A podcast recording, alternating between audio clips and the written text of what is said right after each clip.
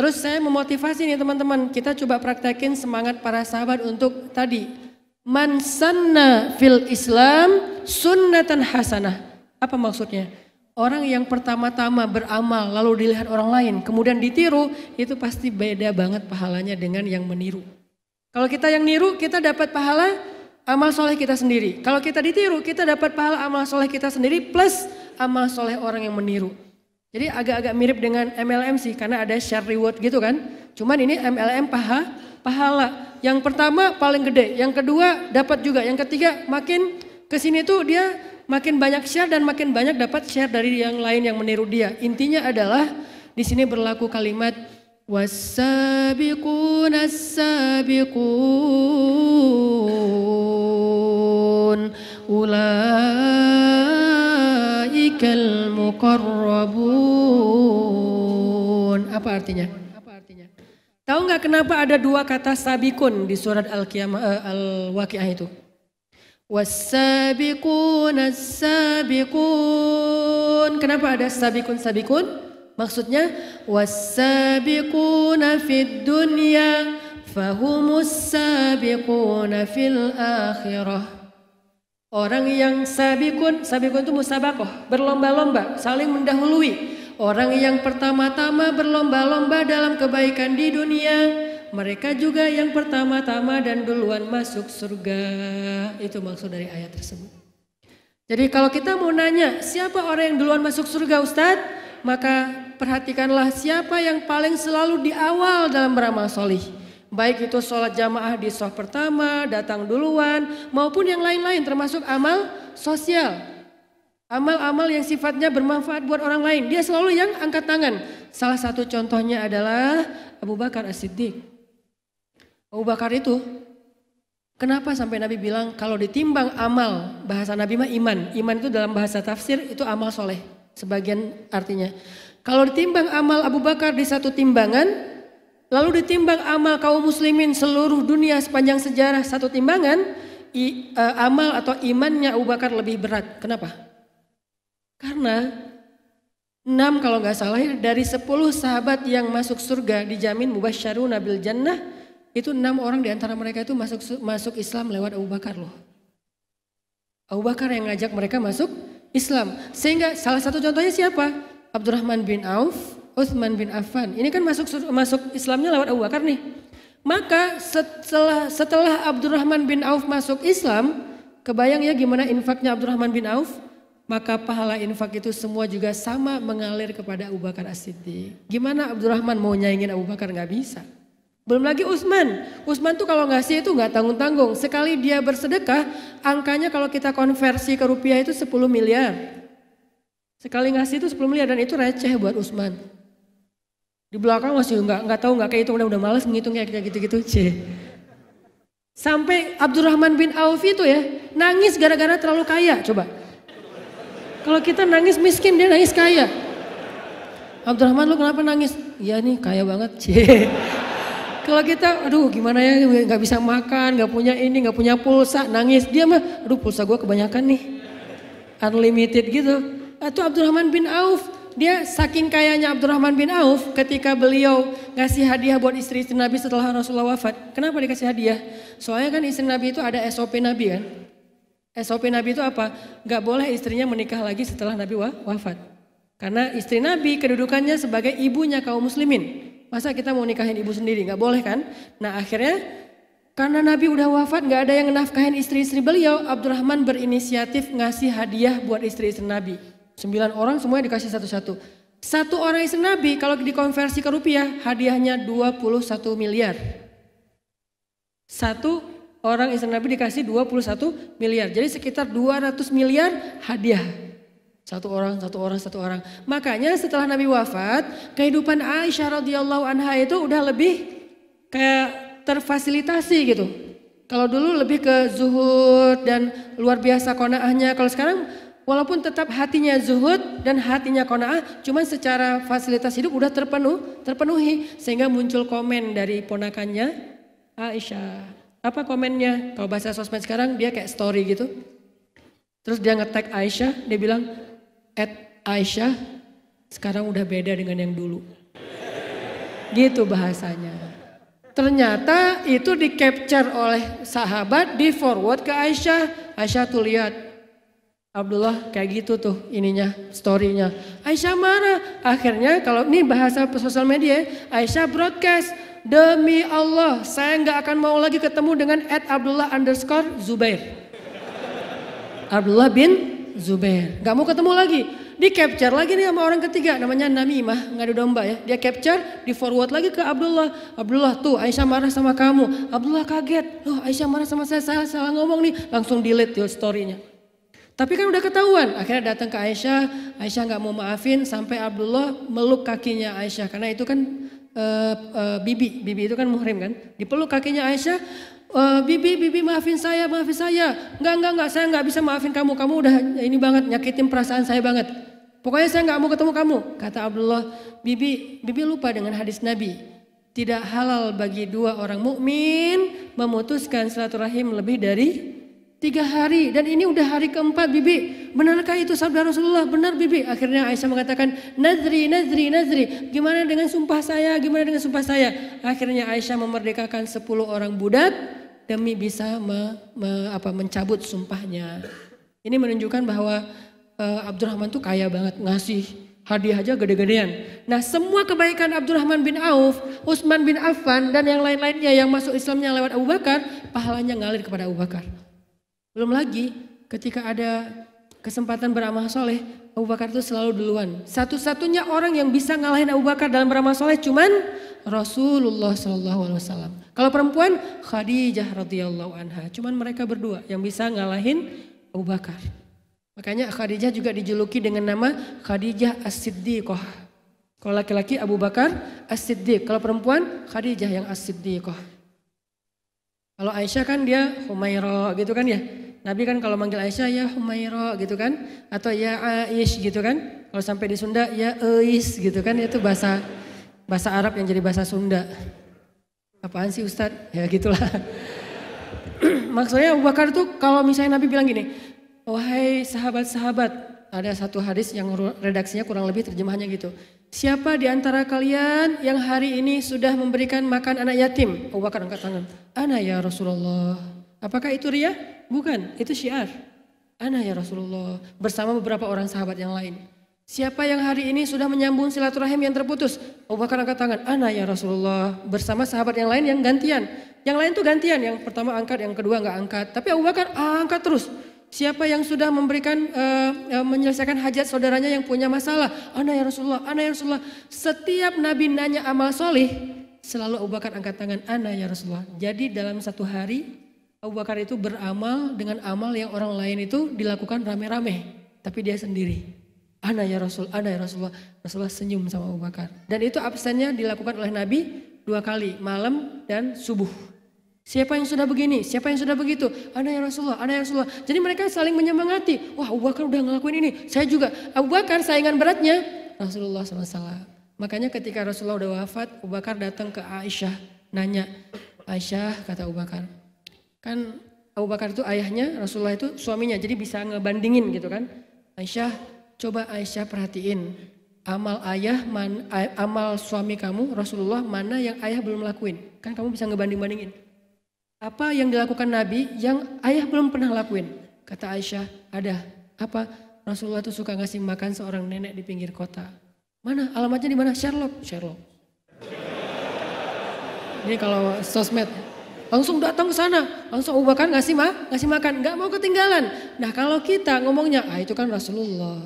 Itu kan Abu Bakar. Sementara mereka nggak gitu. Fastabikul khairat. Oh Rasulullah gitu, saya juga pengen gitu. Abu Bakar gitu, Yesus saya juga pengen gitu.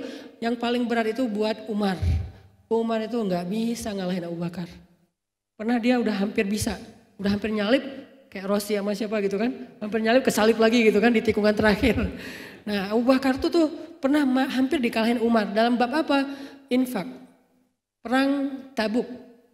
Nabi mengatakan kita akan berangkat untuk ke Tabuk. Kumpulkanlah harta-harta kalian fi sabilillah. Barang siapa yang meminjamkan hartanya di jalan Allah, Allah akan membalikan berlipat ganda. Pulang sahabat, pulang. Datang-datang Umar. Bawa harta yang sangat banyak. Nabi mengatakan, ya Umar berapa yang kau berikan? Setengah dari harta saya Rasulullah. Setengahnya tuh banyak banget. Ada onta, ada kuda. By the way, onta perang itu harganya mahal loh. Harganya sama kayak Ford Raptor lah. Double cabin gitu kan. Cie. Berapa Ustaz? 2 miliar sekian. Itu satu onta. Namanya rohilatan. Onta perang. Kalau onta sembelih namanya onta potong. Bukan ayam doang yang potong. Onta juga ada. Onta potong yang disembelih pas musim haji itu harganya cuma 40 sampai 50 juta. Nah onta yang diberikan sahabat itu rahilah satu ekornya dua miliaran dan Umar datang beberapa bawa beberapa onta kuda satu kuda tahuan sendiri ya. Kuda perang berapa harganya itu datang berapa wahai Umar? Setengah dari harta saya Rasulullah. Beres didoain sama Nabi dari dari jauh kedatangan Abu Bakar. Abu Bakar cuman bawa nggak terlalu banyak nggak sebanyak Umar. Bawa gitu. Di atas keledai bawa bantuan untuk jihad di atas keledai. Umar ngeliat Abu Bakar wah kali ini saya bisa ngalahin Abu Bakar nih. Itu semangat mereka wasabiqun as-sabiqun wasari'u ila magfiratin min rabbikum fastabiqul khairat berlomba-lomba dalam kebaikan. Wah, bisa ngalahin Abu Bakar nih. Senang nih Umar nih. Datang Abu Bakar, "Ya Rasulullah, ini yang bisa saya berikan fi sabilillah." Rasulullah nanya, "Berapa yang kau berikan wahai Abu Bakar?" Kata Abu Bakar, "Ini sudah seluruh harta yang saya miliki ya Rasulullah." Umar kaget, bener ya nggak bisa ngalahin Abu Bakar. Ternyata bukan soal angkanya, tapi pengorbanannya. Umar berkorban dengan setengah hartanya. Abu Bakar berkorban dengan seluruh hartanya. Nabi nanya, ya Abu Bakar, apa yang engkau tinggalkan untuk keluargamu? Kata Abu Bakar, aku tinggalkan untuk istri dan anak-anakku Allah dan Rasulnya. Makanya Abu Bakar kalau ditimbang amal ya, kalah seluruh umat Islam walaupun digabung menjadi satu, satu amal soleh. Itu Abu Bakar. Belum lagi nanti semangat semangat mereka dalam beramal saleh dulu-duluan gitu. Kan pernah tuh namanya perang Khaybar. Perang Khaybar itu perang umat Islam melawan Bani Israel yang paling kolosal gitu kan. Itu lebih dahsyat daripada perang-perang yang lain. Dalam perang Khaybar satu sore Nabi itu Shallallahu Alaihi Wasallam bilang ngumpulin sahabat berbaris semuanya. Terus Nabi mengangkat uh, rayah beliau, bendera beliau, bendera la ilaha illallah itu.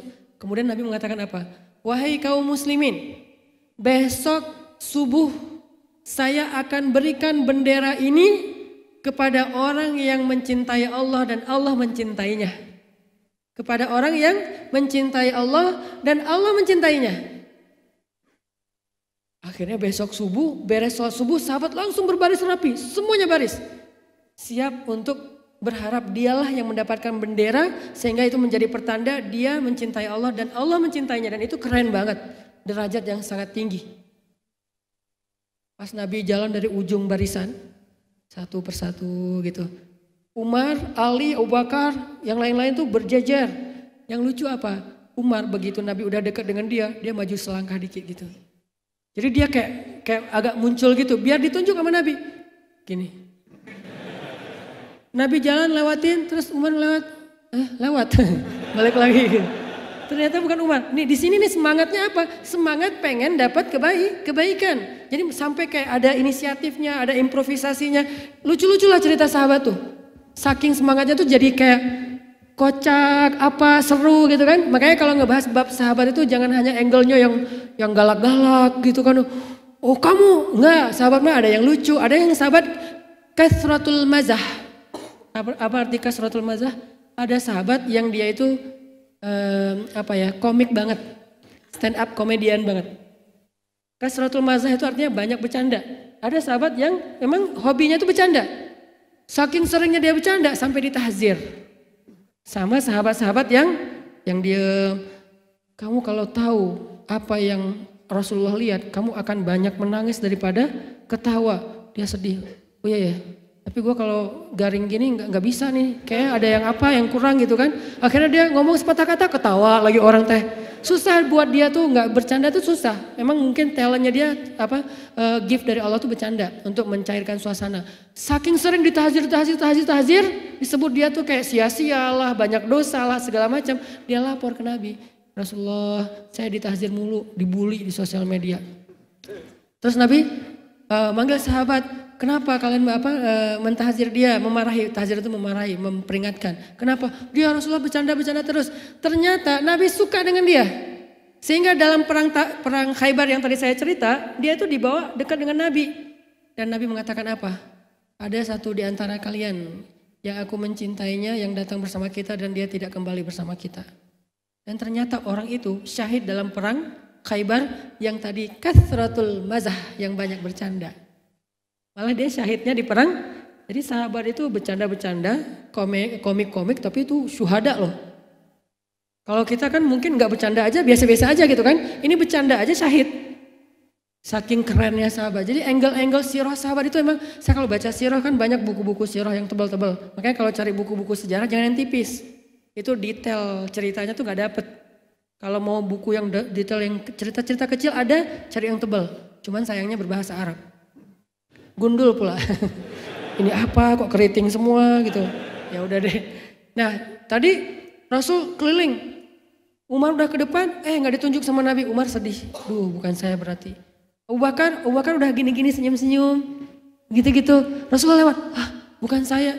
Kemudian sahabat yang lain juga udah udah gitu-gitu, udah kayak kegeeran gitu. Lewat. Ternyata Rasulullah SAW memberikan bendera itu pada siapa? Ali bin Abi Thalib.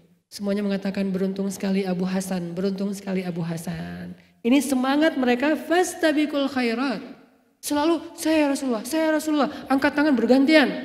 Termasuk ada kasus masalah pohonnya anak yatim itu. Pohon korma yang di sebelah anak yatim. Milik Abu Lubabah. Abu Lubabah punya satu pohon korma di sebelah rumahnya anak yatim. Kalau jatuh buah kurma karena rumah anak yatim di Arab itu kan nggak ada atapnya. Soalnya mereka bukan musim hujan. Jadi jatuhnya ke dalam rumah anak yatim diambil dimakan. Karena dipikir ini kayak ada haknya dia di situ kan. Lagi dipegang di mulutnya anak yatim. Bisa-bisanya si Abu Lubabahnya ini. Tapi Abu Lubabah ini salah satu ahli badar. Gimana-gimana juga beliau ahlu bah, ahlu badar, orang keren banget lah. Cuman masing-masing orang ada kelebihan dan kekurangan. Diambil tuh dari tangan anak yatim yang lagi ditaruh di mulutnya. Jangan ini kan punya saya, kenapa kamu ngambil? Akhirnya anak yatim lapor ke Rasulullah. Ya Rasulullah saya baru mau makan, ditarik sama Abu Lubabah. Dipanggil Abu Lubabah, ya Abu Lubabah kata Nabi. Nabi kan kalau ngomongnya pelan kan, enggak, ya Abu Lubabah, enggak. Enggak langsung Allah berfirman, enggak. Dinasehatin dulu pelan-pelan. Ya Abu Lubabah, Mau nggak kamu aku tawarkan pohon korma di dalam surga yang kamu berjalan di bawah daungannya 100 tahun belum keluar dari naungan dahannya. Saking lebat dan besarnya pohon korma itu. Makanya di surat Ar-Rahman ada eh, apa salah satu gambaran surga itu terutama buat anak-anak yang senang ke gunung itu ada surga para pendaki. Namanya surga mudhammatan. Bacanya juga harus panjang karena dia rimbun banget. Sehingga bacanya mudhammatan. Artinya apa? Surga yang hijau tua.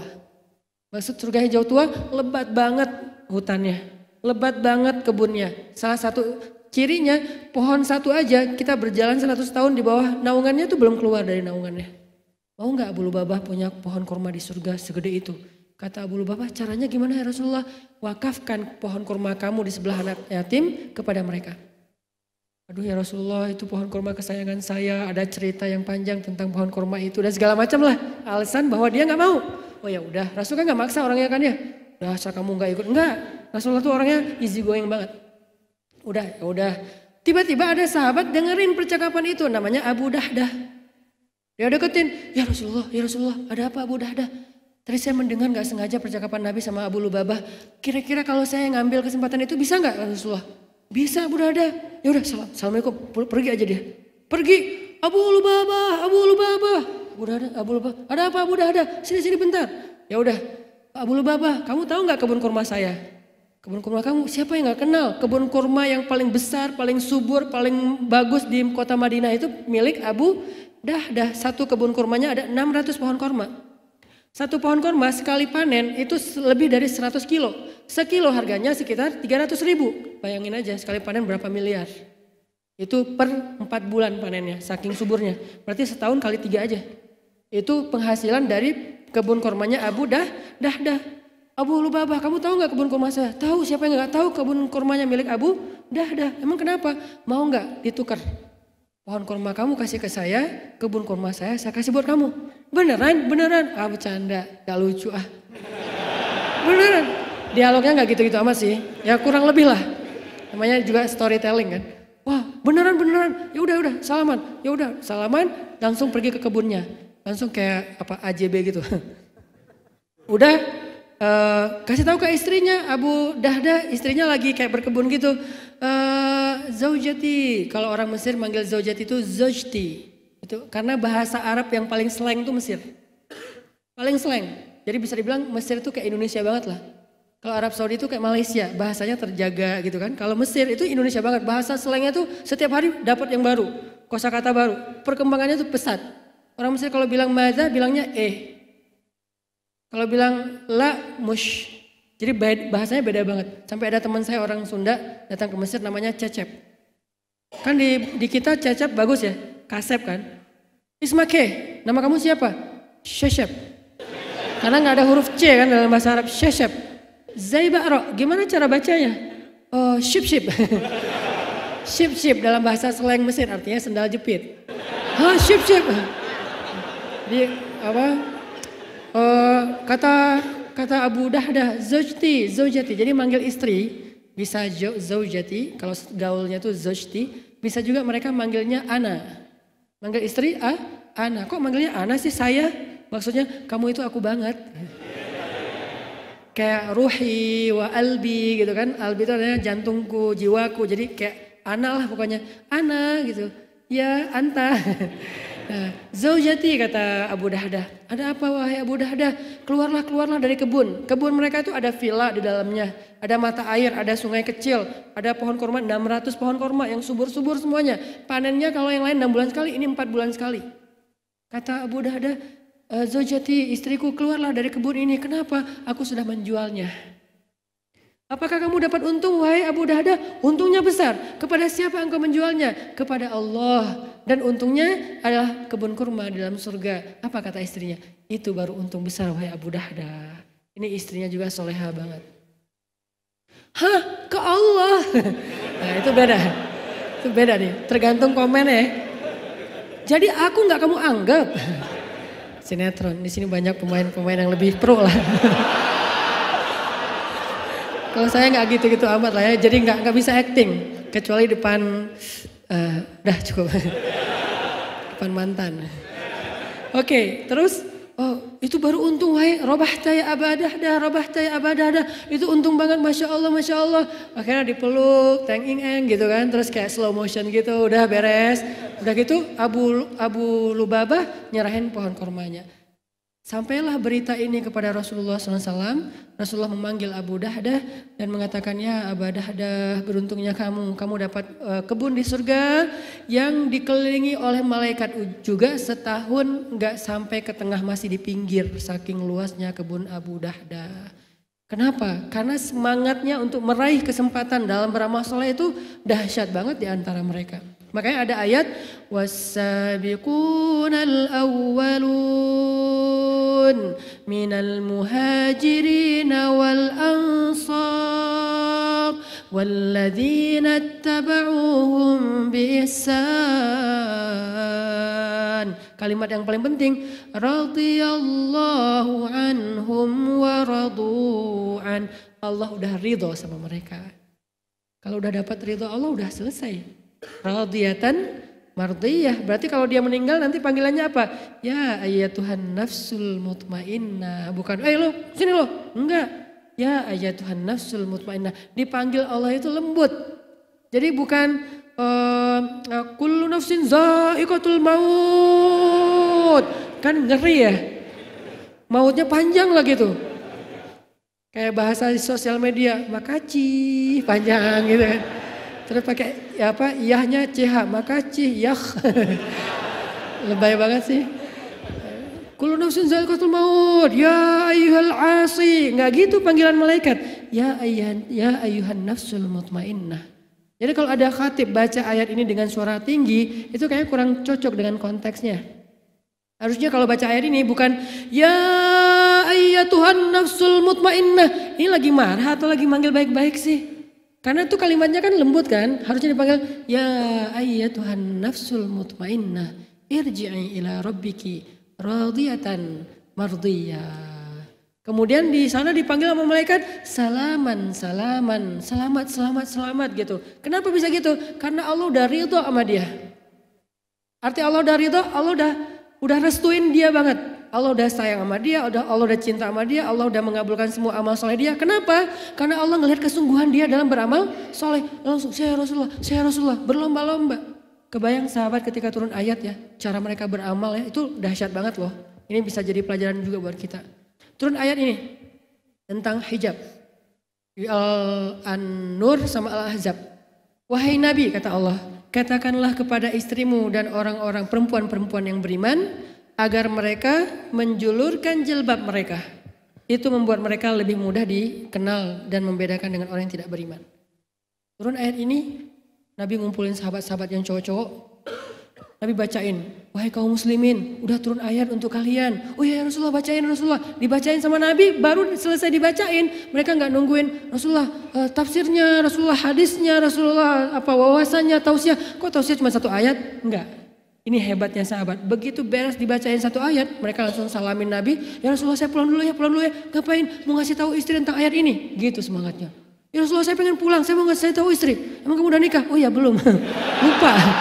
Saking semang, semangat gitu. Jadi kayak pengen langsung diamalin. Yang udah nikah langsung pulang. Istriku, istriku, anakku yang perempuan gitu. Udah turun ayat tentang kalian. Masya Allah, Masya Allah. Langsung duduk di dalam rumahnya. Mereka siap-siap didengarkan bacaan ayat itu. Ketika dibacakan ayatnya, langsung seketika itu juga mereka menutup kepala mereka dengan apa yang ada di tangan mereka. Ada panci pakai panci, ada jemuran pakai jemuran. Pokoknya itu yang disebut dengan spontanitas dalam beramal soleh. Bahasa Islamnya tuh wasari'u ila maghfiratim min rabbikum wa jannat. Kayak gitu banget. Turun lagi ayat, lantana tanalul birra hatta tunfiqu mimma tuhibbun. Tidaklah sempurna kebaikan kalian sampai kalian menginfakkan harta yang paling kalian cintai. Assalamualaikum, waalaikumsalam, pulang, semuanya pulang. Jadi turun satu ayat pulang. Jadi kalau saya baca sekarang, kalimatan khafifatan alal lisan, habibatan ilar rahman, sakilatan fil mizan. Dua kalimat yang mudah diucapin dengan lisan, tapi Allah suka banget dengan kalimat itu dan nanti memberatkan timbangan banget ketika dihisap oleh Allah. Apa itu Ustaz? Subhanallah wa bihamdih. Subhanallahil azim. Langsung katakan subhanallah wa bihamdi. Subhanallahil azim. Bukan oh gitu ya. Bukan gitu. Bukan gitu cara kita berah, beramal. Langsung ngomongin. Kalau saya misalnya teman-teman dengar tausiah dari Ustaz kecuali khatib Jumat ya. Jangan langsung ditinggalin. Akhirnya sholat Jumat tinggal khatib sama muazin. Ke mana? Beramal. Langsung mereka pulang beramal. Lantana lebih hatta tunfiqu mimma tuhibun pulang. Datang-datang ada yang bawa onta, ada yang bawa uh, apa uh, kuda, ada yang bawa keledai, ada yang bawa uh, bakal, ada yang bawa harta, ada yang bawa korma. Inilah barang yang paling saya cintai ya Rasulullah, saya infakkan fi sabilillah. Gitu cara mereka beramal soleh. Yang terakhir, kisah seorang sahabat kalau nggak salah namanya Tolhah.